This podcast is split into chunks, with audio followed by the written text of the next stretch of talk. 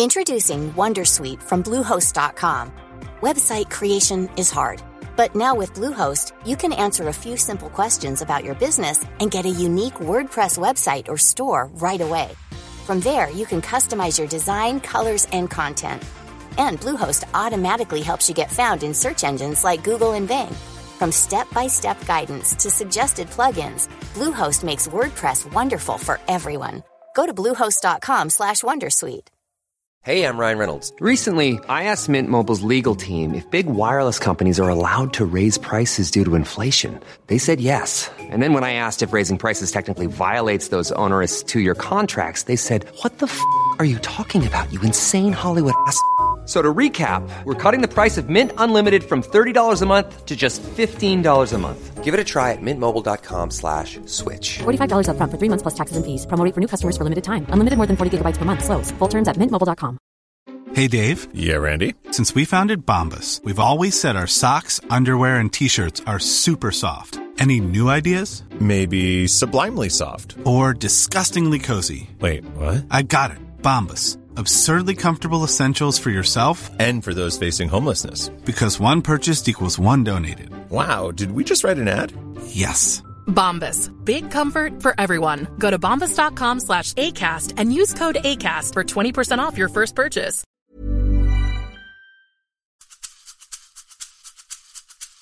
En del passar ju inte att jobba med mig.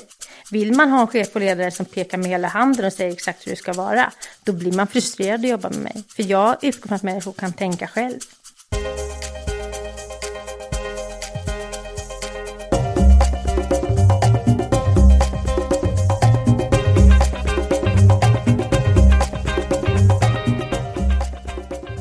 Hej och varmt välkomna till Karriärpodden och ett nytt avsnitt. Den här gången träffar jag ingen mindre än Caroline Andermatt, Myrornas VD. Caroline har ett förflutet inom retail och reklam och PR genom framförallt en lång karriär inom ICA-koncernen där hon haft roller som reklamchef, varumärkeschef, brand director, VD för dotterbolaget Etos och chef för koncernadministrationen. Hon har också blivit utnämnd som en av våra superkommunikatörer i landet och brinner förstås för hållbarhet. Hon har rykte om sig att vara intensiv, spontan, omtänksam, livsnjutare och målinriktad. Det här ska bli kul. Följ med och lyssna så ska vi undersöka om det stämmer. Innan vi startar så vill jag tipsa om vår nya satsning Women for Leaders. Det är ett nätverk och ett ledarskapsprogram för kvinnor som just nu håller på att startas av mig och min kompanjon Shanna Ruterhill. Följ oss i sociala medier och gå in och titta på vår sajt womenforleaders.com där du också kan anmäla ditt intresse om du vill vara med. Då så, nu kör vi!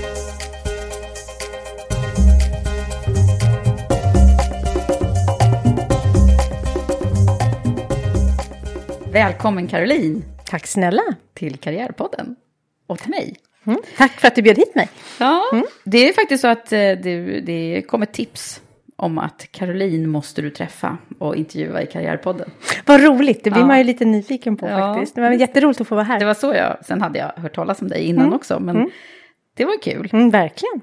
Hur mår du? Jag mår jättebra, Ja. verkligen. Pepp inför hösten. Ja, du har också lite så här energi. och- Ja, mm, verkligen. Och vi har så otroligt mycket spännande saker som vi vill göra. Där jag är nu på Myrorna. Så att jag tror att det är det också som eh, gör att, åh, vad spännande med hösten. Och du har ju en väldigt spännande karriärresa som vi ska ge oss in i och försöka förstå oss på. Dels förstås hur det har gått till, men också vem du är och, och ja, hur du har blivit så här framgångsrik som, du, som du är idag. Jag har läst om att du är en av de mest framgångsrika kommunikatörerna vi har också i landet. Så Ja, det, det, det är ju en fantastisk eh, utmärkelse, men det vet jag sjutton om jag är. Vi får se. Men du, då ska vi göra så att vi får en liten inblick i vem Caroline är lite sådär från början. Ja. Jag är nog, tänker jag, lite av en late bloomer faktiskt. Ehm, Jag kommer från Stockholm och jag är, eh, har, har två syskon, en äldre bror och en yngre bror. Och ehm, är väl lite uppvuxen med att jag har en väldigt begåvad storebror och en väldigt söt lillebror. Och vad hamnar man då? Man hamnar stuck in between. Mm. Och det har nog gjort att jag har valt liksom min egen väg ganska så mycket. Ehm, jag, Vad fick du för epitet då undrar man? Ja, ja det kan man undra. Eh, jag, jag var nog ett ganska tystlåtet och ganska milt barn om man tittar i, i utåt. Men i min familj så var jag nog ganska lite motvalls. Jag ville alltid göra på mitt sätt. Skulle man servera jordgubbar ville jag ha blåbär och skulle man ha gröna strumpor på så ville jag ha blå. Jag har mm. alltid liksom velat göra på mitt sätt. Eh, och jag tror också, eh, min familj där jag växte upp var väldigt tennisintresserad. Så att hemma hos oss åt man middag antingen klockan fyra på eftermiddagen eller klockan tio på kvällen. Beroende på hur mina två bröder eh, Fredrik och Rickard hade sina tennismatcher eller sin tennisträning. Men spelade inte du tennis då? Jag spelade tennis men jag var verkligen det svarta fåret. Jag, jag kan få en boll över nätet men jag är ingen stjärna i tennis. Eh, verkligen inte. Men jag tror att det där, det där präglade vår uppväxt så mycket. Tennisen, min begåvade storebror och min söta lillebror. Så jag tror jag omedvetet men ändå valde min egen väg. Och det gjorde jag genom att pröva olika saker. Jag fick liksom ofta ett väldigt stort utlopp för kreativitet. Vill jag måla om väggarna i mitt rum fick jag göra det. Eh, men jag fick göra det på ganska mycket egna boliner, på egna villkor. Det var inget som hjälpte mig mm. att handla målarfärgen eller bestämde att så här och så här ska du göra. Utan jag fick experimentera ganska så mycket. Så jag, jag var ändå väldigt mycket min egen och gjorde mm. mitt eget race. Så jag hade rätt när jag gissade kreativ på dig ja, då? Ja, mm. absolut. Det, absolut. Jag gissade det redan från början när jag tittade på dina, dina mm. anteckningar, att det såg ja, lite sådär. Ja, ja. Mm. Absolut, så att jag, jag tror att eh, det, jag har, det har också hämmat mig ibland, därför att många gånger så sa man till mig när jag växte upp, du som är så fantastiskt kreativ. Eh, och det där, det är en av de få gångerna i livet jag har verkligen känt prestationsångest när jag var barn. Åh, du som är så kreativ, gör någonting. Och jag har själv aldrig känt mig speciellt kreativ mm -hmm. på det mhm. sättet. Men det var ett epitet jag fick. Du, du sa så här, ja. vad sätter man för etikett på ja, dig? Ja. Den kreativa, den bångstyriga och lite obstinata. Mm. Eh, skulle nog mina föräldrar säga. Jag tror mina två bröder var betydligt mer följsamma än vad jag var. Mm. Mm. Men är det, tror du att det har liksom, just att de är bröder, har det betytt någonting också för dig? Det är klart att eftersom det var två pojkar och en flicka då i den familjen där jag växte upp så, så klart att som, som ensam flicka får man ju lite av en särställning och hamnade säkert in i de här klassiska, ja pappas flicka lycka och, och, och lite det. Men eh, nej, jag tror att det handlar mer om att vi syskon var väldigt olika i våra personligheter. Min bror var lugn och gick ifrån och tog inte konflikter. Jag är en harmonisökare på det sättet att, att om du och jag skulle ha en oförrätt, Eva, då måste vi reda ut det. Annars mår inte jag bra. Och jag, bättre att prata om det och så går vi vidare. Mina bröder var nog mer att de, man var, la locket på. Mm. Vi var lite olika i karaktären och där, mm. där innebär att jag blev ju, upplevde det som jobbigare tror jag. Okej. Okay. Mm. Mm. vad har du tagit vägen med det då? Vart jag tagit ja, men det, som jag, det som jag fick då tror jag är flera saker. Jag fick det så att jag fick, fick sköta mig själv. Jag prövade massa olika saker, olika typer av idrotter och sådär. Jag, jag, jag, liksom, jag gick min egen väg, det var ingen som curlade mig. Utan all fokus var ju på den här tennisen, för det var min familjs intresse och jag passade inte riktigt in i det. Så jag tyckte nog inte riktigt att jag passade in i min familj. Samtidigt som jag fick ju fritt spelrum att göra väldigt mycket andra saker. Mm. Um, men eh, så att dels har jag tagit med mig att jag har modet att pröva nya saker. Jag gillar att pröva nya saker som jag någonstans känner en kittling i. Det här är nog omöjligt att göra. Hur ska du fixa det? Eh, en trigger för mig är att få utmana mig själv i någonting som är Åh, ett stort svart hål, det här kommer jag inte fixa. Då vet jag att jag kommer fixa det. Så att jag behöver ha den där utmaningen. utmaningen. Det tror jag att jag fick med mig när jag fick pröva olika saker. Ja. Mm. Vad var, det, mm. vad var det som styrde dig i yrkesvalet då, tror du?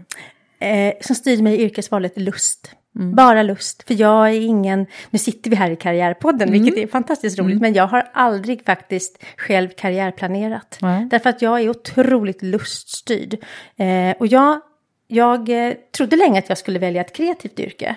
Eh, jag har eh, trodde jag skulle jobba som art director eller fotograf. Jag skulle fortfarande säga att fotograf är mitt drömyrke. Mm. Men jag, eh, efter att jag hade bott i New York några år, där jag bland annat hade varit au pair och även pluggat, så tänkte jag att jag skulle eh, komma tillbaka till Sverige och bli art director och, och jobba med eller bli glasblåsare. Jag tänkte länge att jag skulle söka och jag måste bara vårsalongen, jag måste lämna ett alster dit och så. Mm. Men på den där reklambyrån eh, så märkte jag att herregud vad mycket andra begåvade talanger det fanns inom det området. Men det var där du började? Då, där började jag, där började jag. Och jag förstod att jag var duktig på att organisera och få saker och ting att hända. Så ganska så snabbt övergav jag den där tanken om en kreativ bana i ateljén som det då hette och som då fanns. Eh, och eh, styrde mig själv mot mer projektledning. Så där gjorde jag väl liksom ett vägval och det var en ganska tuff insikt för mig. Också uppvuxen väldigt mycket med du är kreativ, du har ett öga, jag älskar färg och form och design. Och ibland plågar livet ur min familj att jag kan skilja 20 svarta färger från varandra. Mm. Så att den där sidan finns hos mig väldigt, väldigt mycket. Men jag tänker också i mitt, i mitt yrke och det jag gör eh, så tycker jag att jag också får skapa. Jag jobbar ju och har jobbat väldigt mycket med utveckling, mål och mening, den här avdelningen eller det här företaget, vart är vi på väg, vad finns det för möjligheter? För mig är det ett byggande och det är också väldigt kreativt. Så jag tycker att jag får utlopp väldigt mycket för min kreativa sida i de olika roller jag haft i mitt yrkesliv. Mm. Mm. Vad blev det för insikt då där kring eh, när, du, när du kom på då? Det blev projektledning. Ja, mm, jag var, blev först oerhört besviken. Eh, det, var, det, det, var lite en sån där, åh, jag kände som att jag fick en dörr i nosen, en, en, här, den här dörren är stängd.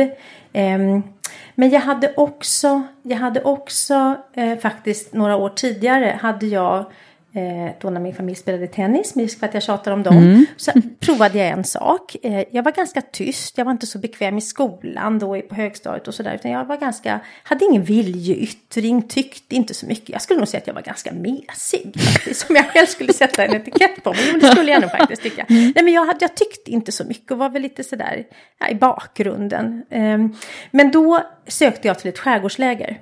Eh, och då eh, var jag då mellan, då var jag, hade jag fyllt 16 år och skulle börja hög, eller gymnasiet. Och då fick jag chans att bli ledare, hyddledare hette det, där man hade hand om 10 pojkar.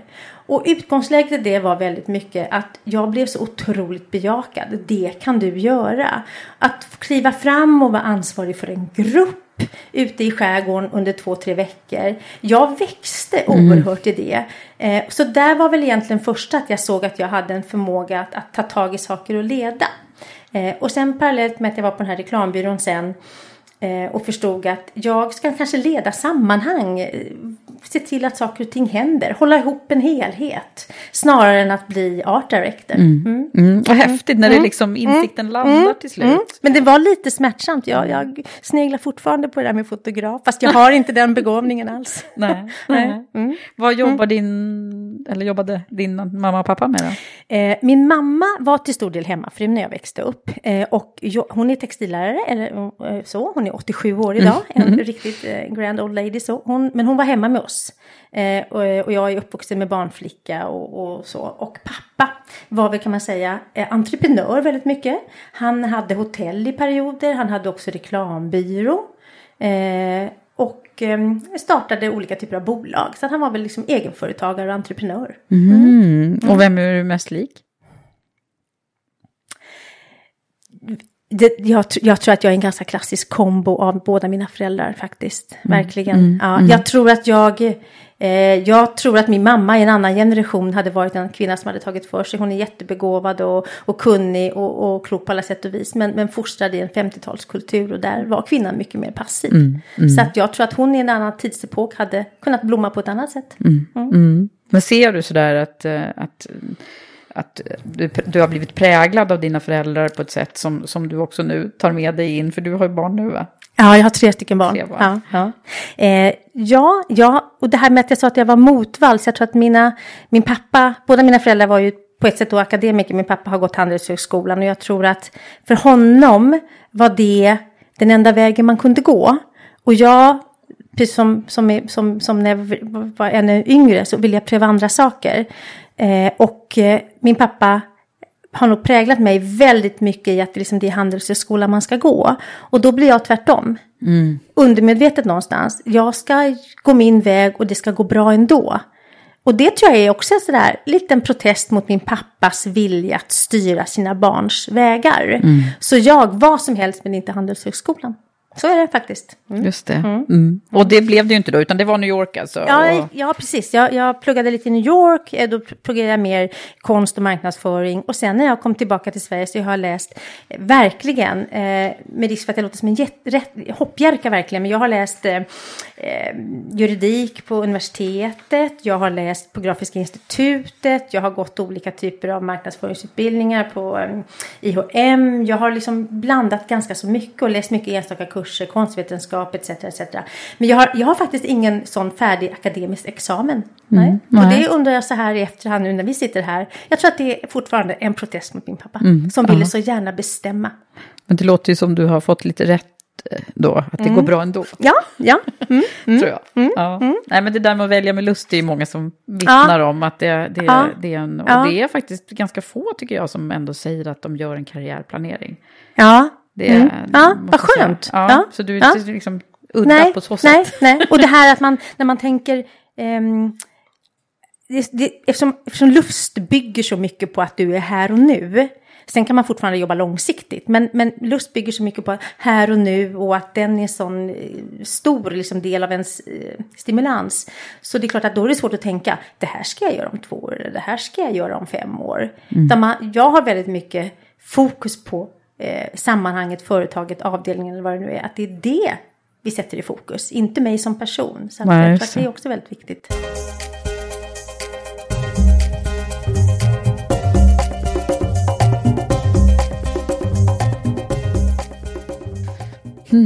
Så att om man nu skulle ha glasögonen på sig fortfarande Mm. och titta in i sådär, eh, titta tillbaka till Mm. när du var yngre och eh, skolflicka och sådär. Mm. Hur, var du, hur, var du i skolan då? Mm, du men duktig jag, flicka? Nej, både och skulle jag säga. Jag är ju... ehm, jag måste ha hög motivation och det är väl den här lusttråden som finns igen. Jag, nej men jag hade ganska okej betyg men gick fullständigt käpprätt hos fanders på gymnasiet. Och jag vet inte om jag drabbades av någonting sådär eh, att de, mina två första år på gymnasiet eh, gick jag på Bromma gymnasium och jag var rätt vilsen, kände mig inte hemma riktigt. Jag hade ju mycket vänner och så, men det var, liksom, det var inte min grej. Jag kände mig liksom obekväm, det skavde. Jag hittade inte rätt där. Ehm, och jag ehm, hade inte liksom, så stor skollust. Eh, och sen från att ha kommit från högstadiet jag hade bra betyg så. Eh, och så var det väl en chock också att oj, här var det många andra som var duktiga också. Eh, och sen sista året gick jag på Östra Real i en fantastisk blandklass där alla kom från massa olika platser. Och det var rent ut sagt kalas och partaj och bara kul hela, Hela tiden. tiden. Så mina betyg från gymnasiet, de vill jag inte... Det är inte de du har fått de här jobben på. Nej. De vill jag helst inte prata om. Ehm, och jag har faktiskt kompletterat inte minst matematik på komvux senare i livet. Ja, vad spännande Mm. att höra. Eh, du, eh, och sen då, när, när, om vi skulle ändå kika på din karriärbana, Mm. hur har det sett ut då efter, efter projektlederiet? Vad hände då? Det som hände det var att jag fick eh, en, en chans att börja jobba faktiskt på det som då var begynnelsen av TV3. Eh, och det som jag eh, blev väldigt boostad i där, det var att du kan. Eh, det tror jag är någonting som har jag liksom fått med mig, att du kan. För att det var, då var det här slutet, alltså verkligen slutet, slutet på 80-talet, början på 90-talet, när TV3 och hela kommersiell TV lanserades i Sverige. Och då fick jag vara med eh, som eh, allt i allo, hantlangare, ansvarig för olika saker, att vara med och bygga upp den verksamheten. Och då var det faktiskt en liten avdelning som satt på Skeppsbron som var en distributionsavdelning. Man skulle ju få upp alla paraboler, man skulle se till att tekniken fanns på plats och sådär. Och där fick jag vara med och då var vi tre personer och två år senare så tror jag man var 350 personer i hela Skandinavien. Och det kunde vara så här, kan du åka till Köpenhamn och se till att vi får ett kontor där och fixa allting? Eh, hur, gör, hur gör man det? Det fixar du. Så att den här, den här boosten man, jag fick i det när man fick ett sammanhang att ja, du är kapabel. Den, den, den har också varit oerhört viktig för mig. Eh, så det var ett, ett häftigt startskott. Ja, just Ja. det. Så då fick du verkligen utlopp för det här som du beskrev om Ja. i skärgårdslägret också. Ja, då. verkligen. Du kan ta tag i det, du kan göra det. Och vi, framförallt, en viktig grej, vi litar på dig. Det var ingen som detaljstyrde mig. Nej. Nej. Men sen är det ju en väldigt lång karriär på ICA som, som vi ska försöka sammanfatta eh, hur, inom ICA-koncernen. Eh, där har jag gjort väldigt många olika saker. Så jag brukar ju säga när någon frågar, men vad är du egentligen? Ja, men jag är generalist. en luststyrd generalist. Nej, men jag, eh, efter att jag hade jobbat på eh, TV3 och Kinnevik och det som egentligen var i lindan till MTG så började jag faktiskt som på ett mammavikariat på, ehm, på ICA. Och jag eh, hade varit då några år inom, inom Kinnevik och kände att nej, men jag vill, nu vill jag göra någonting annat. Jag började tappa lusten. Mm. Jag kände inte att jag liksom fick någonting ur händerna. Så då, då tänkte jag så här, antingen ska jag tillbaka till reklambyråsidan eller så ska jag in på, på, på, på företagssidan och jobba med reklam. För det, det har alltid jag tyckt var väldigt roligt. Eh, och då hoppade jag in på ett mammavik. Eh, och sen, eh, för att göra historien lite kortare, så, så blev jag reklamchef på den då, dåvarande regionen inom ICA. Eh, och jag tror att jag, jag gillar att jobba tillsammans och jag ser möjligheter. Så, så av någon anledning så fick jag frågan om jag ville bli reklamchef efter det här projektledarvicket. Eh, och jag är otroligt glad att jag då, när jag blev erbjuden Hur gammal var du då? då? då var jag 26. Mm. Eh, och jag är väldigt glad att jag hade sinnesnärvaro då när jag var 26 år och fick frågan om jag ville bli reklamchef på det här regionbolaget. Eh, ICA hade en central och eh, fem stycken regionala reklamchefer. Och jag var då aktuell för den här regionala reklamchefsrollen. Att jag hade sinnesnärvaro och fråga, eller säga till, till, till både mig själv och till organisationen. Otroligt roligt, verkligen vilken chans. Men då behöver jag hjälp. Och det var fantastiskt att, att jag så här i efterhand inser att vad viktigt att jag vågade. Klokt! Ja, jag, jag fattar inte var jag fick den där klokskapen ifrån faktiskt. Men, det gjorde jag Men du inte. hade den? Ja, jag hade den. Och, och jag, det måste jag säga att, att ehm, HR för mig ehm, är en otroligt viktig komponent liksom i, i ledarskap, i medarbetarutveckling, i affärsutveckling, i vart företaget tar vägen. HR och vikten av att vi värnar humankapitalet. Det har också varit en sån sak som har präglat mig. Och ICA var där och då väldigt duktiga på, på det. Man mötte upp min önskan och min fråga och jag blev otroligt väl omhändertagen i olika typer av ledarskapsutbildningar för att klara av den här rollen. Och jag kan nog tycka att det är viktigt att man tänker till, okay, hur är du riggad för den här uppgiften? Våga vara transparent med att här har du dina luckor och här behöver vi fylla på. För att stumt bara säga, åh vad roligt att jag fick den där chans att bli chef. Eh, bita ihop och gå hem och tro att man ska klara av det på egen hand. Det gör man inte, utan verkligen att man ber om hjälp. Och jag, jag är glad att jag gjorde det. Vad fick du för hjälp då? Jag fick, jag fick en HR-partner som coachade mig. Jag fick en hel del ledarskapsutbildningar. Eh, och jag fick, ehm, fick liksom chans att jobba med mig själv faktiskt. Som både person och ledare. Vilket jag Mm. Vad hände med dig då under de där åren? Eh, De där första ledaråren så att Ja, säga. mm, ja, det, det, det som jag ta, har tagit fasta på där det är att jag eh, är ju trivs av att jobba tillsammans med människor.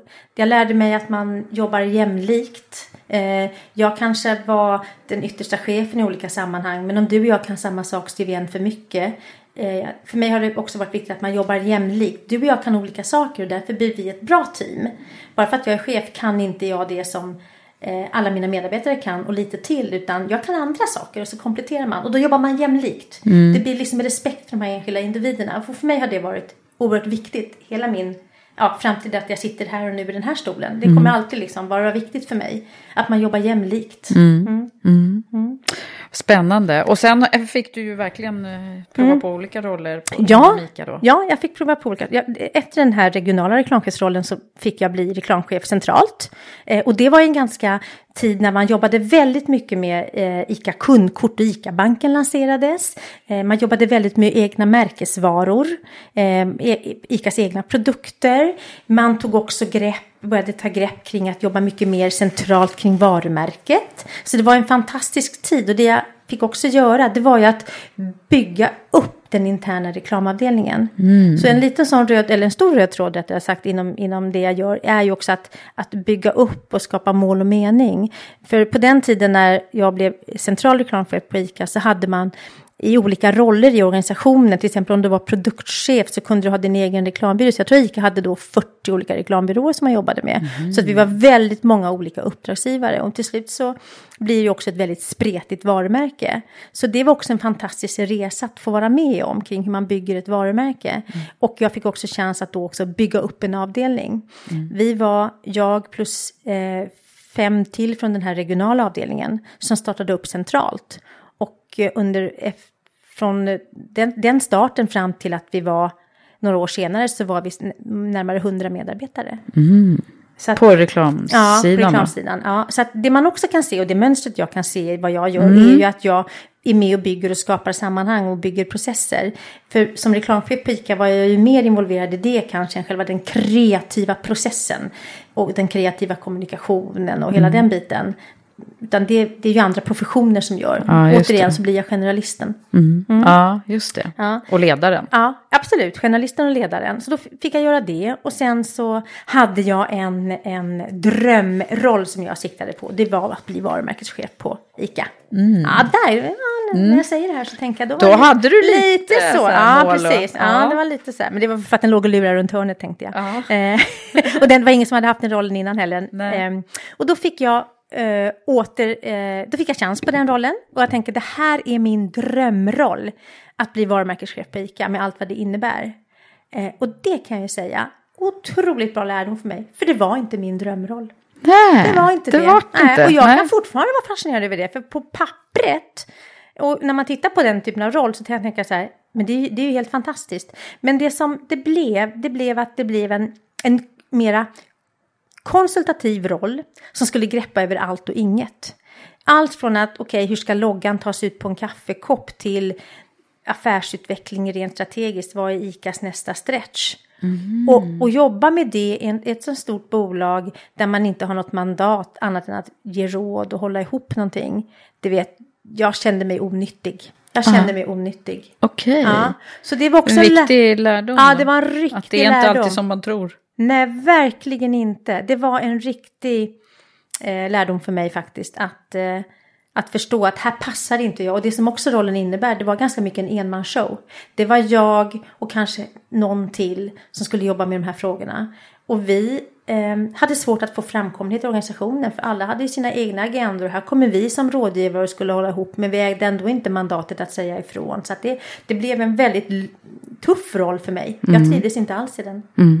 Men du, sen har du ju haft många andra roller. Vi kommer inte kunna gå in på alla Mm. Nej. här. Men det har ju varit projektledare för olika saker. Och du har Mm. varit vd också under en period inom, inom ICA. Eh, Ja. Etos, Ja. vad är det för någonting egentligen? Etos eh, var en, eh, Var. var en, det finns inte kvar längre, men eh, det var en, eh, kan man säga Boots, engelska Boots, det här apotekskonceptet. Ja. En holländsk, holländsk version av det, som då våra dåvarande delägare på ICA hade nere i Holland, som man kopierade och implementerade i Sverige.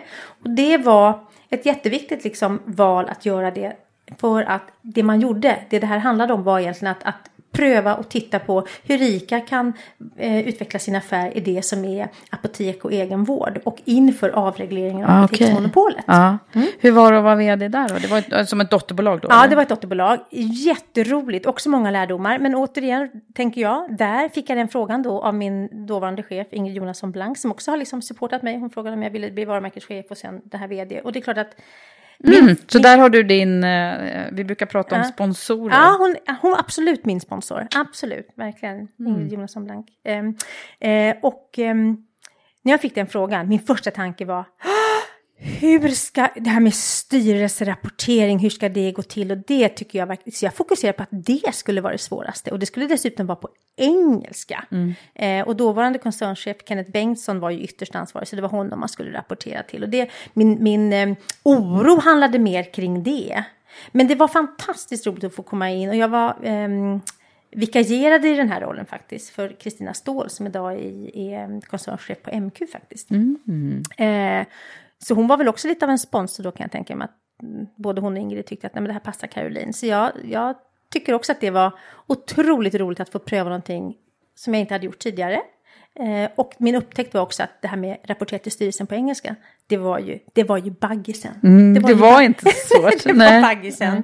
Men, men eh, jätteroligt, verkligen, att få pröva på och jobba med ett eget ansvar. Och det tycker jag också är väldigt roligt, att jag inte har en chef som hänger över axeln och detaljstyr, utan jag behöver ganska fritt spelrum, få lägga pusselbitarna och skapa sammanhanget tillsammans med mitt gäng. Mm. Och det fick jag ju också verkligen mm. göra där.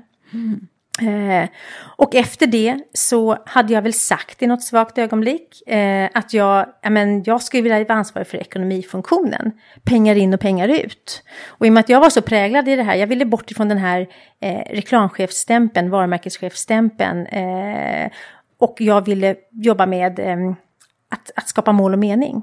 Så då hade jag väl pratat lite om det, att åh, kan inte jag få vara ansvarig för ekonomifunktionen? Och det var i, i Norden då, Sverige och Norge, så var väl det kanske 300 medarbetare, både administratörer, mm, assistenter och ekonomer. Det är ekonomer. så stort där, ja, ja. såklart. Mm. Ja, jätteroligt.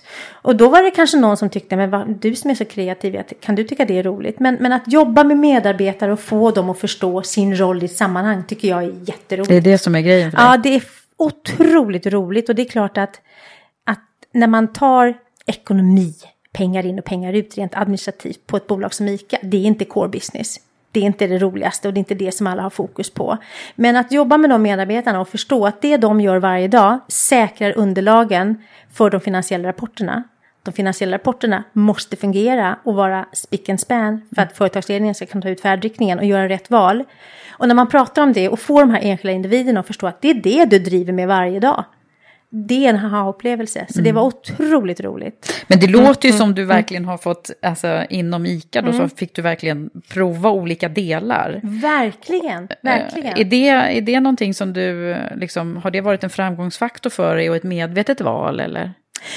Jag tror att jag, kanske både och, jag tror att också att jag har haft hela ICA-andan för mig är väldigt lik Kinnevik-andan. Finns en stor tilltro till att, att personer kan och man blir inte detaljstyrd. Så jag har väl haft förmånen, lyckan, turen att hamna i sådana sammanhang. Mm. Har du haft bra chefer? Ja, ja, och den är också en viktig sak. Eh, jag har haft bra chefer som har trott på mig, mm. Absolut. Mm. Mm. Eh, när det gäller på ekonomifunktionen så hade jag en chef som heter Christer som han var också sådär, för då kom jag ju från en helt annan, då kom jag ju från, från marknadssidan på ICA eh, via det här, vd för det här dotterbolaget. Men att Caroline skulle vara chef för ekonomiadministrationen, det var nog ganska farfetched.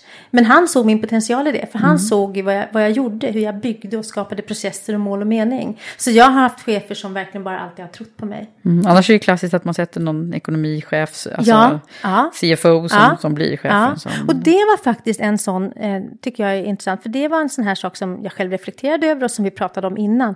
Förväntan på de här medarbetarna, eh, från de här medarbetarna på mig, eh, eftersom jag själv inte är ekonom och är definitivt inte redovisningsekonom. Hur kan jag förstå deras tillvaro och vad de ska göra? Men det landade väldigt bra för att det var så otroligt tydligt och jag känner att jag själv kan vara tydlig med det. Jag är inte bäst på redovisningsekonomi och det är inte min roll. Mm. Men hade jag inte varit tydlig med det och kommit in och folk hade trott att jaha, är hon redovisningsekonom ska lägga sig i vårt arbete nu. Det var inte det det handlade om utan jag skulle bygga och säkra och kvalitetssäkra processerna. Mm. Och skapa mål och mening och få liksom avdelningen mer framåtlutad. Så då gick det väldigt bra. Och då var det Men sen lämnade du? Ja. Efter hur många år blev det inom ICA? Ja du, eh, det blev 19 år. Ah, ja, för jag satt här och tänkte, ja. oj, det är många. Ja, det är 19 fantastiska år, ja, det kan jag säga. Jag är så tacksam över allt jag har fått därifrån från ICA. Mm. Mm. Och sen, alltså du måste ju berätta om steget från ICA till, till Myrorna mm. då, för det var det va? Direkt. Ja, ja. jag... jag um, eftersom jag har haft det, tycker jag själv, en, en, en, fantastisk tillvaro på ICA. Och jag kände mig inte klar med ICA. Jag tycker det fanns mycket mer saker man skulle kunna nosa på och göra och ta tag i. Och eh, som sagt var oerhört liksom, bortskämd med att jag varit så bejakad inom ICA. Eh, men så fick jag frågan. Och den frågan som jag fick tajmade väldigt väl med mitt läge i livet. För jag kan också kunde också känna att jag har fått göra alla de här fantastiska sakerna på ICA under alla de här åren. Men det blir ju också lite safe zone. Mm. Nej, Caroline, nu är det dags att pröva dig själv i ett annat sammanhang. Och i och med att jag vet att jag är luststyrd, jag behöver också ha ett sammanhang som verkligen är mål och mening. Jag kan inte sälja konserverad gröt. Du ser direkt på mig om jag tror på det jag gör eller inte. Så att jag kan inte låtsas, det här tror jag på, så lägger jag på någon fasad och så kör jag. Utan jag måste känna i hela kroppen, det här är rätt. Annars stannar hela min motor. Så att, att välja någonting från ett sammanhang där du trivs väldigt bra. Eh, det är inte så lätt och så hade jag inte tänkt så mycket. Men när jag fick frågan så fick jag frågan eh, och när, när det uppdagades att det handlade om myrorna då kände jag att det studsade till i hela hjärtat. Ah. Ja, därför att jag har alltid älskat eh, second hand. Eh, jag har att, att få ansvar för ett eget sammanhang, ett eget bolag eh, som också var i en utvecklingsfas. Jag är ju inte eh, förvaltaren jag går in i ett sammanhang när det ska skapas förändring och man ska hitta nya mål, målsättningar och stretcha bolaget till att ta nästa nivå. Eh, och det var, det var det Myrorna behövde. Och jag fick frågan som sagt var, jag, jag kände att nej, nu, nu ska du pröva dig i ett nytt sammanhang. Och jag har ju retail-bakgrunden med mig. Ja, just det. Så Ja. det, ju, det finns ju en koppling verkligen. Det finns en koppling. Sen har jag väl jag upptäckt när jag varit på Myrorna att, att retail-delen, det är ju en komponent hos Myrorna. Myrorna gör ju enormt mycket mer saker. Men retail-delen är väl min bakgrund som jag har med mig dit. Ja, just det. Och myrorna. Introducing Wondersuite from Bluehost.com. Website creation is hard, but now with Bluehost, you can answer a few simple questions about your business and get a unique WordPress website or store right away. From there, you can customize your design, colors, and content. And Bluehost automatically helps you get found in search engines like Google and Bing. From step-by-step guidance to suggested plugins, Bluehost makes WordPress wonderful for everyone. Go to bluehost.com/wondersuite. Hey everyone, I've been on the go recently Phoenix, Kansas City, Chicago. If you're like me and have a home but aren't always at home, you have an Airbnb. Hosting your home or a spare room is a very practical side hustle. If you live in a big game town, you can Airbnb your place for fans to stay in. Your home might be worth more than you think. Find out how much at airbnb.com/slash host. Millions of people have lost weight with personalized plans from Noom, like Evan, who can't stand salads and still lost 50 pounds. Salads, generally, for most people, are the easy button, right? For me, that wasn't an option. I never really was a salad guy. That's just not who I am. But Noom worked for me.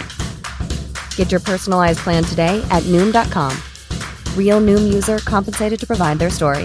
In four weeks, the typical Noom user can expect to lose one to two pounds per week. Individual results may vary. Since 2013, Bombas has donated over 100 million socks, underwear, and t-shirts to those facing homelessness. If we counted those on air, this ad would last over 1,157 days. But if we counted the time it takes to make a donation possible, it would take just a few clicks. Because every time you make a purchase, Bombas donates an item to someone who needs it. Go to bombas.com slash ACAST and use code ACAST for 20% off your first purchase. That's bombas.com slash ACAST, code ACAST. Ryan Reynolds here from Mint Mobile. With the price of just about everything going up during inflation, we thought we'd bring our prices down. So to help us, we brought in a reverse auctioneer, which is apparently a thing. Mint Mobile unlimited premium wireless. Ready to get 30, 30, bit to get 30, bit to get 20, 20, 20, bit to get 20, 20, bit to get 15, 15, 15, 15 just 15 bucks a month. So, Give it a try at mintmobile.com slash switch. $45 upfront for three months plus taxes and fees. Promo rate for new customers for limited time. Unlimited more than 40 gigabytes per month. Slows. Full terms at mintmobile.com. Då. Jag vet inte hur väl folk känner till, men eh, eh, kanske ska du, du, du får en minuts sändningstid. Ja. Vad är affärsidén? Ja, Myrornas affärsidé är ju att verka för ett mer medmänskligt och hållbart samhälle. Och det gör vi genom att öka återanvändningen i Sverige. Samla in det överskott av saker som finns runt omkring oss, kläder, prylar, möbler. Eh, omsätta det i våra butiker för att generera ett överskott som går tillbaka till sociala socialt behövande i samhället. Och vi erbjuder också arbetsträning. Att vi ser till att människor som av olika anledningar står långt ifrån arbetsmarknaden kommer in och ökar sina möjligheter att komma ut i ordinarie Så ni är arbete. nästan lite besläktade med Samhall där? Ja, inte, ja, till viss del för att vi har det här med arbetsträning som är en del. just det. Eh, absolut. Jag hade ju Monica ja. Lingegård här Ja. Stolen för några veckor sedan. Ja, mm. ja härligt. Eh, så det är vårt uppdrag. Så att vi verkar för ett mer mänskligt och hållbart samhälle och göra det genom ökad återanvändning och Mm. arbetsträning. Men vårt yttersta syfte är ju att generera ett överskott som går till socialt behövande. Och Och vem äger? Det är Frälsningsarmén som äger. Ja, så, ja. Men vi driftar oss som om, som om vi är ett eget sammanhang. Man kan säga att Frälsningsarmén har eh, tre olika intäktskällor. Och det är ju naturligtvis donationer, gåvor och testamenten. Eh, man har eh, fastigheter, man hyr ut ganska mycket lokaler. Och man har också då Myrorna. Som en, en Hur, hur, hur märker man det väldigt mycket? Att, att man ägs av ett, ett sånt sammanhang? Eh, inte i det dagliga, absolut inte, för vi är ju inte del av deras pastorala verksamhet på något Nej. sätt. Men det som är viktigt, tänker jag, som de här gemensamma nämnarna som vi har, det är ju själva grundidén. Alltså hela Frälsningsarmén startades av William Boots eh, för, för över hundra år sedan. Och det man, det man utgår ifrån är ju att man ser en samhällelig problematik, kavlar upp armarna och gör någonting. Och man tror också på människors lika värde. Det är ju två grundkomponenter som vi har med oss, som vi verkligen delar med våra ägare. Människors lika värde och att ta tillvara på det överskott som finns i samhället och eh, se till att eh, den problematik i samhället elimineras. Mm. Häftigt. Det låter som du har liksom hittat en, en, en nisch där. Mm, mm. Ja, det, det är ett fantastiskt Ja. uppdrag, verkligen. Ja, otroligt meningsfullt. Ja.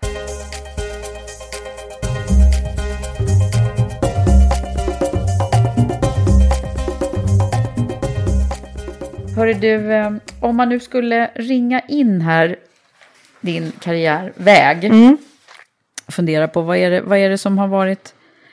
Ibland så hittar man ju lite vägskäl när man har fått... Ja, det här måste ju varit ett vägskäl då när du lämnade ICA såklart. Men, men vad har du annars för sådär eh, höjdpunkter eller, eller lågpunkter? Eh, höjdpunkter tror jag är, är eh, när både jag, men, men även mitt sammanhang och våra medarbetare lyckas, tycker jag. En, en höjdpunkt var ju som jag nämnde tidigare när jag var chef för koncernadministration. N- när plötsligt folk sträcker på ryggen och förstår att de är del av en helhet. Det tycker jag är en höjdpunkt. Eh, jag tycker att det var en höjdpunkt när vi insåg att Etos, det varumärket, ska integreras i våra ICA-butiker, för där har vi redan målgruppen. Ibland ser man inte skogen för alla träden. Det tycker jag också är en, en höjdpunkt. Jag tycker att det är en höjdpunkt när jag ser, eh, finns ju många medarbetare som jag har jobbat med över åren, som idag gör andra stordåd där ute i andra bolag. Då kan jag bli lite skrytig. Ha, jag jobbade med dem först. Så det är för mig höjdpunkter tycker Så jag. det låter som sånt Ja. som du har åstadkommit Ja, genom andra. ja, då. jag blir väldigt glad när människor lyckas. Jag tycker det är väldigt roligt. Mm. Det, är- det är för mig de bästa höj, höjdpunkterna. Mm. Vad har du haft för motgångar då? Någon gång har jag nog haft, jag, jag är ju envis och ser möjligheter och ska till varje pris nå målet. Eh, inte till varje pris, utan man måste också ha ett ganska brett perspektiv och tänka om och byta taktik. Det tror jag är viktigt, att man inte tänker för snävt. Jag har haft eh, motgång, att jag någon gång haft en chef som eh, jag har lagt för mycket orden i munnen på hen. Eh, I frustration över att det är väl bara att göra och det händer ingenting. Det har varit en, en, det var en motgång för mig innan jag förstod att jag kunde inte ändra den här personen. Så att, och det, hand- för mig var det tydligt då eh, efter ett tag, jag insåg inte det först för jag är ju som sagt var envas och det ska gå. Jag kommer inte kunna ändra den här personen utan det är jag som får byta sammanhang. Det var en motgång. Och jag var frustrerad och radade upp argumenten och listade saker som man kunde göra och möttes av ett ja, det är självklart jättebra, så gör vi. Men jag fick inte, det var ingen som banade väg sen. Och det skapade en enorm frustration hos mig. Och den motgången, ja, jag lärde mig mycket på det och jag insåg att man kan inte vara för länge i ett sådant sammanhang där man inte har en chef som bejakar en och stöttar en. För att du lägger fokus på fel saker. Mina dagar började handla om det istället för min uppgift. Ja, Eh, Så det var en motgång. Ja. Mm. Sen ha, har jag en annan, hade jag en annan eh, motgång när jag kände att jag åkte ner i källaren. Det var ju kanske inte en motgång men en sån eh, jobbig period. Det var att när jag hade jobbat på Myrorna i två månader så hade jag en eh, ung, ung släkting som tog sitt liv. Eh, och eh, samtidigt så började jag förstå att Myrorna jobbade med arbetsträning och jag bottnade inte i det då.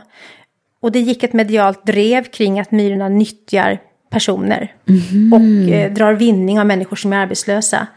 Eh, och det blev ett mediadrev precis samma dag som jag fick beskedet av den här eh, unga Oj. släktingens bortgång.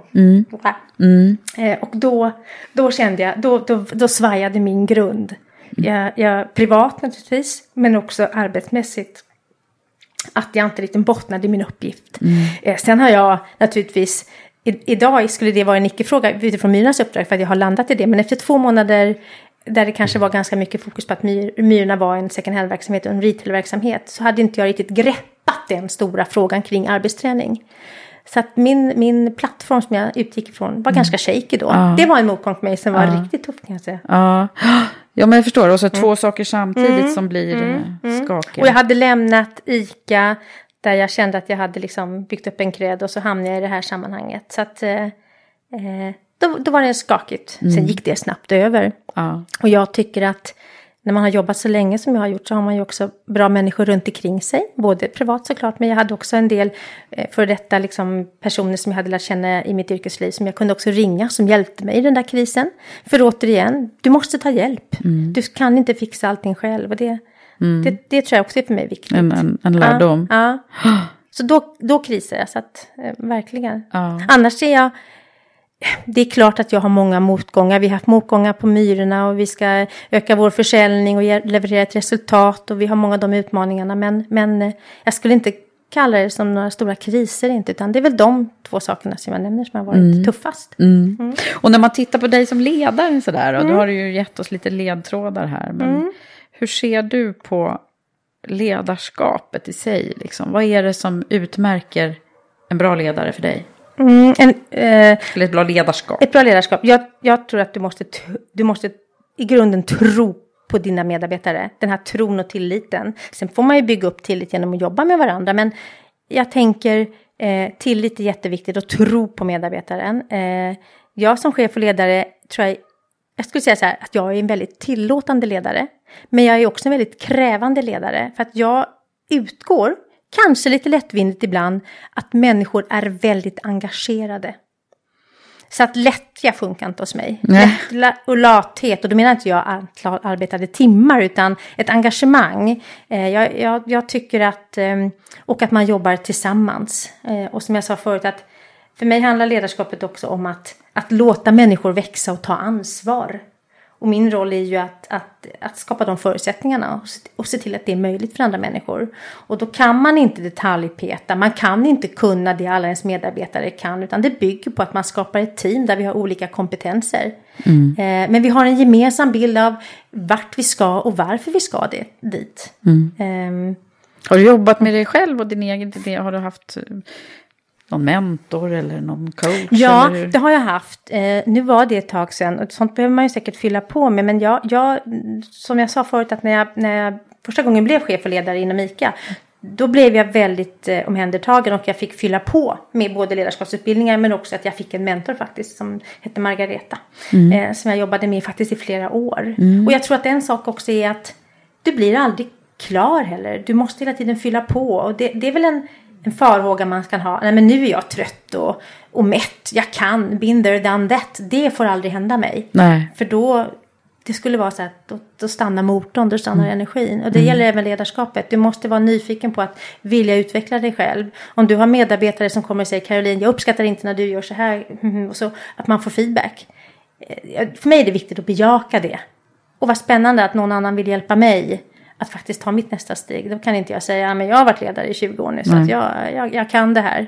Nej, det där är väl det är en en... ständig utveckling. Ja. Mm, Verkligen, det håller jag med om. En del, Alltså, en, en, en del passar ju inte att jobba med mig. Vill man ha en chef och ledare som pekar med hela handen och säger exakt hur det ska vara, då blir man frustrerad att jobba med mig. För jag utgår från att människor kan tänka själv. mm, just det. Mm. Ja, men så är det ju också. Mm. Spännande. Det här med att vara kvinna och ledare då, ska Ja. vi tangera det lite grann? Hur, hur, har, hur ser du på det? Har det, har det varit, Hur har det varit för dig? Eh, ja, det har varit... ehm, ja, i och med att jag har fått göra det jag har fått göra, inte minst inom ICA, så har jag, jag har aldrig faktiskt upplevt något nå, nå hinder i det. Verkligen inte. Eh, när, jag var, när jag var ung och nybliven chef, då, då kunde jag kanske... Då hamnade jag först med många andra manliga kollegor som var chefer. Och då var jag nog inne i en period där jag, där jag kunde uppleva att man hela tiden skulle bevisa sig man, gick man runt bordet skulle alla säga samma sak på, på lite olika sätt för att man skulle på sätt ge signaler till varandra att det här greppar jag, det här kan jag. Jag tycker sånt är lite långtråkigt och jag vill mer komma till saken. Eh, då blev jag ganska ifrågasatt faktiskt av mina manliga kollegor. Men det här var väldigt initialt i min ledarkarriär. Eh, och då kommer jag ihåg att jag var tvungen att säga vid något tillfälle, alltså jag har inte fått det här jobbet för mina långa ögonfransars skull. Det kommer jag ihåg att jag var tvungen att säga. jo men jag sa det. Mm. Um, men sen tycker jag att, att jag har kanske också blivit mer peppad av mina kvinnliga kollegor än mina manliga kollegor. När jag har fått ett nytt erbjudande eh, om ett nytt jobb då de första att applådera och bejaka det har faktiskt också varit kvinnorna. Mm, det var roligt ja, att höra, ja. för det där finns ju lite ja, olika. Verkligen, jag har alltid känt mig väldigt peppad och bejakad av mina kvinnliga kollegor. Snarare mina manliga kollegor faktiskt. Mm. Sen finns det ju också naturligtvis manliga kollegor som har bejakat också. Men, men om man tänker sig, det finns en annan, jag har upplevt en annan generositet från kvinnorna runt mm. omkring mig mm. eh, i mitt yrkesliv. Så du har inte känt av det där att det finns en särskild plats i helvetet för kvinnor som inte är... Nej, verkligen inte. Ja. Men jag blir otroligt beklämd när jag hör talas om det. Mm. Eh, för det är klart att jag har stött på det via vänner och bekanta och andra kollegor. Men jag själv har faktiskt aldrig hamnat i det. Utan jag har alltid upplevt en, en, en, en, en oerhört stark lojalitet och glädje faktiskt över att vi som kvinnor kan få göra saker och mm. ta ansvar, ta plats och göra stordåd. Jag har mm. alltid faktiskt blivit väldigt bejakad i det. Ja. Mm. Hur ser det ut på, eh, har du blivit stöttad och peppad hemifrån också eller? Eh, tänker du hemifrån som jag utifrån Privat, nu? Ja. ja. Eh, absolut, jag har, jag har fått ett, ett väldigt stort svängrum, absolut, det har mm. jag. jag har För tre ju, barn? Tre barn, jag har Nora som är 20 och jag har Alba som är 16 och Leo som är 13. Och jag har prövat alla varianter med de barnen. När jag eh, födde Nora så trodde jag att jag kunde planera. Hon, eh, jag hade planerat att gå hem en vecka innan. Hon föddes några dagar för tidigt. Det vill säga då faller hela min planering.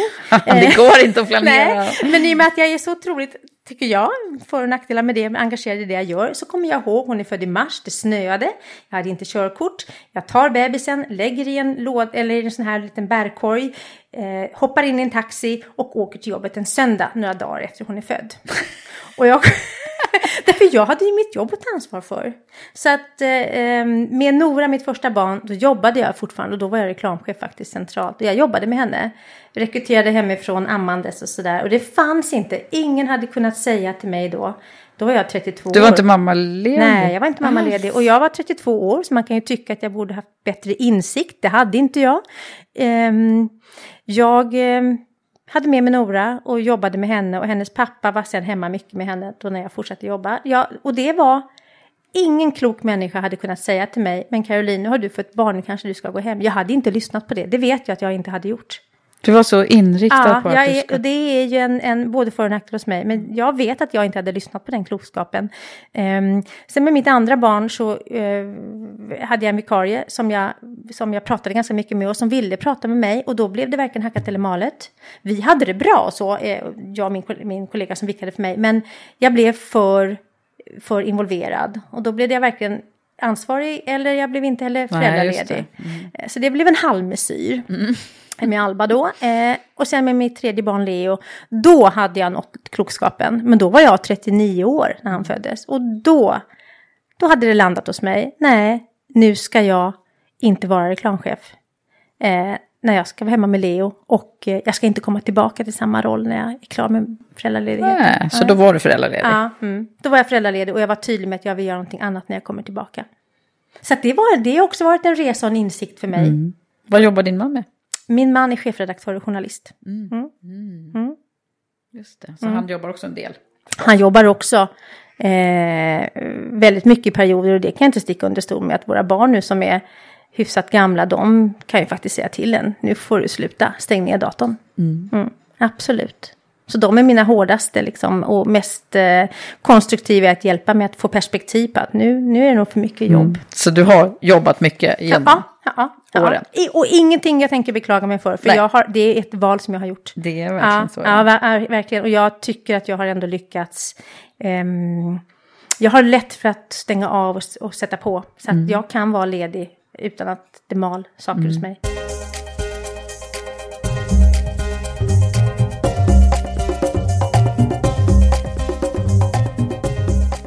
Vad, om du nu ska försöka ringa in lite olika utifrån dina Mm. lärdomar då, Eh, lite olika tips och råd till de som, som lyssnar på dig här nu. Mm. Och, och, och eh, ut, ja, vad är det för typ av tips? Eh, det jag tänker så här, lärdomar eller insikter eller vad man nu ska kalla det för. Det tänker jag så här, eh, en, en första som jag tänker det är be om hjälp. Be om hjälp. Tro inte att du ska klara av allting själv. Var lite självisk i det. Eh, att okej, du får den här utmaningen, den här nya uppgiften. Ja, tack, vad roligt att ni tror på mig. Se till att få verktygen. Den tycker jag. Var lite självisk i det. Tänk inte att du ska gå hem och klara det på egen kammare, utan kräv verktyg. Ja, Den tänker jag. ja. Ja den har du ju verkligen Mm. berättat om här. Ja. Mm, mm. Sen finns det en annan lärdom som är ett litet sidospår, men som jag har fått lära mig från en, en marknadschef som heter Klas. Eh, att eh, i affärsuppgörelser och i olika överenskommelser eh, ha allting dokumenterat. Det här med att man ibland inte delar bild. Du och jag kan vara överens om någonting men du gjorde en annan tolkning och så sitter vi där efteråt. Och det kan vara i ett projekt eller i en affär eller vad det nu är. Ha allting dokumenterat. Och den får jag jobba med. För det, jag tycker själv att det är ganska tråkigt. Men den fick jag lära mig. Ha allting dokumenterat. Så vet du vad som är sagt. Just det. Den är också en sån där som jag har med mig. Och den, jag tvingar mig med att använda den. För jag vet hur viktig den är. För jag har råkat ut för det några gånger. Men vi sa ju att. Ja, just det. Nej men det, så tänkte inte jag. Nej, just det. Så, Nej, mm, viktig grej. Den är en sån, lite sidospår. Eh, en annan sån tänker jag är mm, ta ansvar för, för, för det du gör. Skyll aldrig ifrån dig. Du kan aldrig någonsin skylla på en medarbetare. Är du ytterst ansvarig så är du. Du kan aldrig hänga ut någon medarbetare eh, gentemot din chef i din tur så att säga. Utan du, du måste ta ansvar och backa upp. Den tänker jag är viktig. Var transparent med det. Jag tycker att det är, man måste kunna erkänna sina fel. Eh, att, att driva ett, ett sammanhang framåt är också att våga göra fel. Våga göra misstag. Och då måste man vara ganska transparent i det. Just det, här valde vi det här. Vi prövade, det blev fel, vi tar omtag och börjar om. Var tillåtande i det, både mot dig själv och mot andra. Just det. Den tycker jag är viktig. Ja. Mm. Eh, så. Eh, transparensen, ärligheten. Ja. Mm. Eh, och sen tänker jag också viktigt, eh, respekt för andra människors kunnande och personer. Jag kan berätta om en liten upplevelse jag hade, eh, tycker jag var fantastisk, som har präglat mig utifrån också synen på att vi inte ska döma hunden efter håren eller vad man nu säger. Och det är att när jag jobbade på, på eh, Kinnevik så fick jag uppdrag att träffa en eh, PR-byrå som heter Burst Marsteller. Jag kunde ingenting om den typen av frågor och jag kom med någon t-shirt som satt lite bak och fram och fick åka upp till då, eh, World Trade Center där Burst Marsteller satt och träffade en man som hette Lars Thalén. Och han och hans kollega Göran Sachs, de var klädda otroligt snyggt i skrädda kostym, skräddarsydda kostymer och skor. Och där satt jag i receptionen och kände mig som, ja, katten hade släppt in någonting. Och på det här mötet skulle jag då representera TV3. Jag behärskade inte ämnet. De var naturligtvis oerhört kunniga i det här. Eh, vi går in och vi har mötet och det var ytterligare några personer med där. Och, och Göran och Lars eh, förmåga att få mig att känna mig bekväm trots att jag såg ut som hej kom med hjälp med mina kläder. och eh, jag kommer ihåg att, att, att Lars Thalén tittade på mig och så gjorde vi någon reflektion över något sammanhang vi pratade om och så säger han så här, då kan du tänka dig reaktionerna på New York-börsen.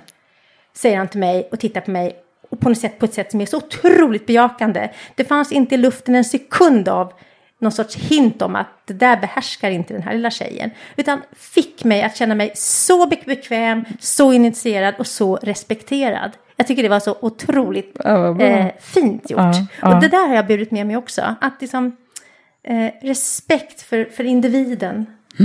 Mm. Jag tycker den, den, den var, det var så snyggt gjort. För de hade sätt. kunnat liksom... De hade kunnat såga mig med Ja. fotknölarna och hänga ut mig. Fanns inte på kartan. Nej. Så proffsiga. Och det där sitter kvar hos mig.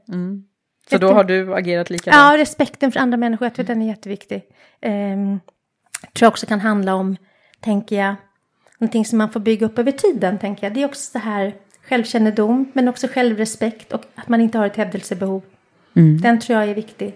Ehm, jag tror inte man ska hävda sig genom att hänga ut andra. Nej. Nej. Det där är ju, det där är ju liksom apropå ledarskap. Mm, mm. Säkert inte alla det har landat hos. Nej, för mig, för mig har jag, rätt eller fel vet jag inte, men jag kan tycka att eh, du måste vara ganska naken och transparent med vem du är och in, inte bygga din karriär på bekostnad av andra. Den, tänker jag, den är viktig, så respekt ja, för andra. Ja, Mm. klokt där. Eh, eh, och sen eh, ligga steget före tror jag är, är viktigt. Att, och då menar jag tänka lite längre, lite bredare. Ta en loop eh, och gör den resan liksom lite mentalt i olika sammanhang du är. Om det är en, en daglig uppgift eller om det är mer en långsiktig del. Tänk orsak, verkan, konsekvens. Lägg pusslet, vrid och vänd lite mera. Försök eh, sätta det i 360 graders perspektiv för att fånga upp alla vinklar. Den tänker jag, ibland eh, tänker man kanske lite snävt, springer för snabbt och så vurpar man. Stanna upp, eh, reflektera, tänk eh, ämnet eller vad det nu du har framför dig för uppgift i 360 grader. Vrid och vänd lite och sen kan du bestämma dig. Så stanna upp. Är det så du gör när du fattar beslut? Ja, det gör jag. Jag är, ganska, jag är ganska snabb på att fatta beslut. Men jag har ett behov av ehm, hur saker och ting hänger ihop. Så för mig är det en instinkt att, att sen gör jag också massa misstag och kör i diket. Det, ska, det är verkligen, ehm, det får bli en annan podd. Eh, Nej, det, det, vill vi också höra om. ja, men men ehm, jag, jag, för mig har det blivit ett sätt, det är ett verktyg, det börjar bli ett inbyggt, eller det har blivit ett inbyggt verktyg för mig. Att, för att inte vara förhastad, för att ehm, mm. Sen måste man få göra fel som jag har sagt, men jag tror att, att, att sätta det i sitt perspektiv, vrida och vända och tänka 360 grader, jag tror att det är nödvändigt ibland. Sen Ja. kan du besluta. Ja. Hmm. Bra. Det är så, så tänka lite mer långsiktigt och konsekvens. Ja. Just det, jag kom på en till sak Eva som jag tror är viktigt. Alltså utgå från att du kan, utgå från att du faktiskt kan ta plats och var tydlig med det. Och när vi pratade här med ehm, att hamna i sammanhang där männen dominerar, verkligen, be inte om ursäkt. Ta plats. Blir du inte lyssnad på i ett sådant sammanhang, stanna upp, frys ögonblicket tills du får uppmärksamheten. Och då kan man faktiskt passa på att säga, jag är väl här av en anledning, för att jag har någonting att säga. Varsågod och lyssna på det. Så att någonstans tror jag att man inte ska be om ursäkt, utan ta plats. Det tänker jag också är viktigt. Jag tänkte på det när jag sa det här med att jag var tvungen att säga att jag inte är här för mina ögonfransars skull. Det kan man säga ibland snabbare och jag tror att vi kvinnor ska vara lite noga med att faktiskt vi är där av en anledning i det här rummet. Och då ska vi bli tagna på allvar och vi ska bli lyssnade på. Eh, och jag tror att det måste vi markera ibland. Verkligen. Ja. Det finns ju den här boken som, som vi har tagit väldigt mycket eh, rygg på, som Sheryl Sandberg har skrivit, som heter Lean In. Mm. Ja. Som Mm. amerikanerna, det har ju blivit en hel rörelse i, i USA. Som handlar om att man just ska liksom, luta sig framåt Ja, istället ja. för uh, vara i bakgrunden. Ja, och jag tror att och, och det här att, att, eh, att också tala om vad man vill. Eh, Inte be om ursäkt. Och det tänker jag också när man vill göra nya saker om man är i ett jobbsammanhang. Tala om. Jag är redo att göra någonting nytt. Jag vill göra någonting annat. Och det du också ger signal om det, det är att du utgår från att du själv kan. Det är ju också ganska bra att man utgår från att man kan. Eh, och ta plats. Mm. Är Vilka, mina- bra, vilka bra råd och tips du har, Mm. Caroline. Nu så ska vi också eh, avsluta med den här eh, skicka vidare-frågan som Mm. vi har varje gång. Och då ska ju du få en skicka vidare-fråga ifrån min föregående gäst som Mm. var Alexandra Bylund som är vd på Peer with an Edge. Vad roligt. Och hon eh, var en fråga som vi i och för sig har varit inne lite grann på. Men jag tänker att jag ställer den här nu och så får vi se vad som kommer. Berätta om hur du tar dig igenom en riktigt tuff motgång. Du var ju inne på att Ja. beskriva lite grann, men vad, vad var det som... Om, vi, om vi går och tar den till, händelsen, tillfället, så eh, undrar man ju där, hur, Ja. hur gjorde du? Det, jag tror ett, tänker jag, eh, det ducka inte för den. Alltså bejaka den där motgången, tänker jag. Alltså, jag höll på att säga nästan omfamna den, men jag tänker våga vara i den. Eh, Försök inte ducka för den, blunda, hoppa därifrån, för den är där. Det tänker jag är steg ett. Tillkännage, nu, nu är det en motgång, nu är det uppförsbacke, nu är det kris. Vad är det? Åter stanna upp i det. Jo- Gjorde du det? Ja, det gjorde jag.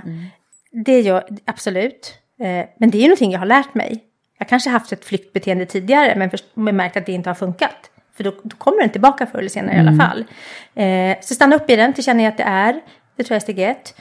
Eh, två, eh, fokusera på hur du ska ta dig ur det. Jag har lärt mig att stanna upp i det och också ta tag i problematiken. Fokusera på skapa en bild av, okej, okay, hur, hur ska det bli istället? Skapa en målbild. Då är det också lättare att ta sig över och ur någonting om du också har en målbild. När vi når hit, då är det den här känslan. Då är det bra igen. Då blir du väldigt fokuserad på uppgiften och kan konstruktivt hitta sätt, actions för att ta dig ut. Eh, och ska jag uttrycka mig klumpigt ska jag säga så här. Bara kötta på och se till att det löser sig. Mm, kötta på. Ja, men faktiskt lite. Det låter, Ja. låter klumpigt att uttrycka sig så, men jag tror att, att fokus på uppgiften och fokus på målbild, hur det ska bli istället. Ja. Då kan du på något sätt strukturerat börja beta av och ta dig ur. Ehm, jag blir ju, jag drivs ju av motgångar, så jag, jag gillar ju, som när jag löptränar, jag gillar ju uppförsbacke. Mm, Du gör det? Ja, jag ligger... Du löptränar ja. Ja, Okej. ja, jag lägger Mm. in ett extra krut i det. Jag, jag, därför att jag är en lat natur. Så att mitt liv handlar om ständiga Du utmaningar. känns inte så lat. Nej, men jag vet att jag kanske ger en falsk bild av det, men jag är en ganska lättjefull person och jag motarbetar ju det. Mm, jag erbjöd kaffe här förut till kaffet, men det var Ja. inte någonting. Nej, men det, det är för att jag håller på att ha en utmaning nu att jag inte ska äta sött på väldigt många dagar. Men eh, om de dagarna är klara, då äter jag jättegärna de där kakorna. Eh, så jag är inte ortodox på det sättet på något sätt, men jag, är, jag tror att jag utmanar mig själv och då tror jag en motgång, jag triggas av det. Mm. Jag triggas av det. Är det lätt blir jag uttråkad. Just det. Mm. Mm. Sen finns det ju motgångar och motgångar. Och Men, jag, men mm. den här svåra tillfället då som du beskrev, Ja. fick, tog du hjälp då och pratade med, gick du hos någon Ja, pratade? och nej, lite jag har så? haft en, eh, en eh, sån eh, affärscoach kan man säga under många år som heter Katarina Wendt Englund som jag tycker är fantastisk. Som också har ett, ett otroligt eh, businessperspektiv. Eh, och hon känner mig väldigt väl. Hon kan mina för och nackdelar. Eh, och när man hamnar i kris är det väldigt tryggt att ta hjälp av människor där du kan, som, där du kan, som du kan vara naken med. Jag har ingenting att bevisa, det hoppas jag inte att jag har för Mm. någon, men, men även för henne, man har byggt upp en tillit. Mm. Och hon är väldigt proffsig. Så det var en person som jag tog hjälp av. Jag ringde henne när det var kris. Jag, när det här hände, när jag fick reda på båda sakerna, mediedrevet och eh, min släktings bortgång, Mm. eh, så stod jag och var på väg hem eh, på eh, flygplatsen i Bologna. Mm. Eh, så då fick jag de två telefonsamtalen samtidigt. Så det var Mm. ganska jobbigt. Så Mm. jag stod med min familj i Bologna och skulle flyga hem. Eh, och eh, då ringde jag Katarina. Ja, du gjorde det på en Ja, gång? och ja, så hon coachade mig i telefonen. Mm. Gud vad bra. Mm. Bra Mm. personer. Ja, och, jättebra. ha- och jag Ja. tror också mycket på, nu är ju jag som sagt var samtalsterapeut, så Ja. jag är ju naturligtvis mycket, men Mm. bara av genom att liksom prata Mm. när man är i Mm. det här läget, Mm. om man nu kan det. Mm. Mm. Det, det kan ju vara Ja. väldigt bra för Ja. läkande. Eller Ja. liksom. Men jag, jag, tror- som du säger, jag tror att... När man uttalar något så blir det liksom Ja. i, inte spöken i garderoben som Ja. man brukar säga. Och sen tänker jag också, även i motgång, ta hjälp. Mm. Tänk inte att du ska klara allting själv. Jag tänker att den är viktig. Mm. Verkligen. Mm. Ja, men så ska ju du också få ställa en skicka vidare fråga till eh, nästa gäst. Ja, vad roligt. Ja, härligt. Som du inte vet vem det är. Nej, nej. Mm. Det blir kul. Vad är det för fråga som du är nyfiken på? Då? Jag, jag är nyfiken på eh, hur, hur den personen hittar en bra balans i att eh, få yrkesliv och privatliv att hänga ihop. Och om det har varit en utmaning, om den personen har liksom hittat en metodik för att hitta den där balansen. Eh, det är jag nyfiken på, hur man klarar av den balansen. Eh, så man blir en hel människa och kan balansera. Det Just tänker det. jag att jag är nyfiken på. För det kan vi förstå lite att du ibland själv också behöver Mm. jobba lite med. Jag skulle visst gissa att några har synpunkter på det, ja. Ja. Mm. Eh, du, eh, jag var bara tvungen att, avslutningsvis fråga. Jag hittade någonstans här när jag, när jag har forskat om dig. Mm. Så hittade jag någonstans att du hade haft, eh, apropå eh, myrornas affärsidé. Så har du också eh, någon gång bestämt dig för att du inte ska köpa några nya saker. Ja, ja. Mm. Är, är, gäller det fortfarande eller? Nej, inte riktigt, men, men eh, väldigt mycket. Eh, jag bestämde mig att under ett år aldrig köpa någonting nytt. Eh, till mig själv eller till vänner eller till hemmet. Och jag har aldrig gett bort så uppskattade presenter som då när jag gick på middagar eller kalas. För då hade jag köpt någonting, främst från Myrorna, en skål eller vad som helst, fyllt med godis eller en väska eller vad det nu kan vara för någonting. Eh, och de, eh, de, det blir verkligen uppskattade presenter, Ja. för de är ju personligt utvalda. Just det. Eh, och jag har fortfarande eh, svårt att vid några tillfällen handla nytt. Jag föredrar second hand. Och det är självklart tycker jag utifrån när man tittar på. ehm, det var ju overshooting day här nu nyligen. Där vi redan så här långt in i augusti redan har förbrukat mer än vad vi borde göra i form Ja. av jordens resurser. Ja. Och då när man sätter det i den kontexten, då måste man börja rannsaka sig själv. Behöver jag den där saken? Kan vi låna varandra? Din snygga blus, när du är tröttnat på den, då lånar du ut den till mig. Och sen lånar jag ut den till någon annan. Alltså vi måste använda det som finns runt omkring oss fler gånger. Eh, Det är ett hållbart samhälle. Ja, som vi ska absolut, sträva utifrån ett hållbarhetsperspektiv. Jag tror att den är superviktig. Ehm, så, så börja med att titta på vad du har i garderoben när du står där och tycker inte att du har någonting att ta på dig. Du har massor med saker i garderoben. Jag känner mig oerhört träffad. Ja. Det gjorde jag redan när jag läste det där. Ja. bara, oh, Ja. Det där skulle jag också behöva köra. Men det var bra visdom ifrån dig Caroline på många olika sätt som vi har fått här. Tack så jättemycket för Tack. att du har tagit din tid. Tack själv så jättemycket. Tack.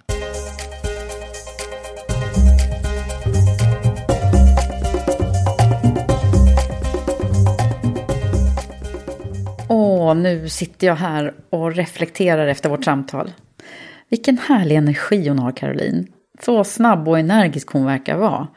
Och ja, vad säger ni? Det verkar ju stämma det här med att hon är så där spontan och intensiv, men ändå väldigt målinriktad och jag skulle tro att hon är strukturerad. Ett viktigt jobb hon gör, Caroline och Myrorna, med att jobba för ett mer hållbart samhälle. Så bra. Heja er! Och tack Caroline för att du var med i Karriärpodden och delade med dig så fint. Hörni, jag är så glad för att ha det här jobbet. Och nu är jag nyfiken att höra, vem vill du höra i Karriärpodden framöver? Vi planerar just nu för lite senare höst och vinter. Så mejla mig gärna om du har några önskemål om det eller om det är något annat du vill säga. Jag blir så glad och tacksam för era hejarop. Mejlen hittar du enklast på vår Facebook-sida. Ha det nu så bra så hörs vi snart igen. Hej så länge!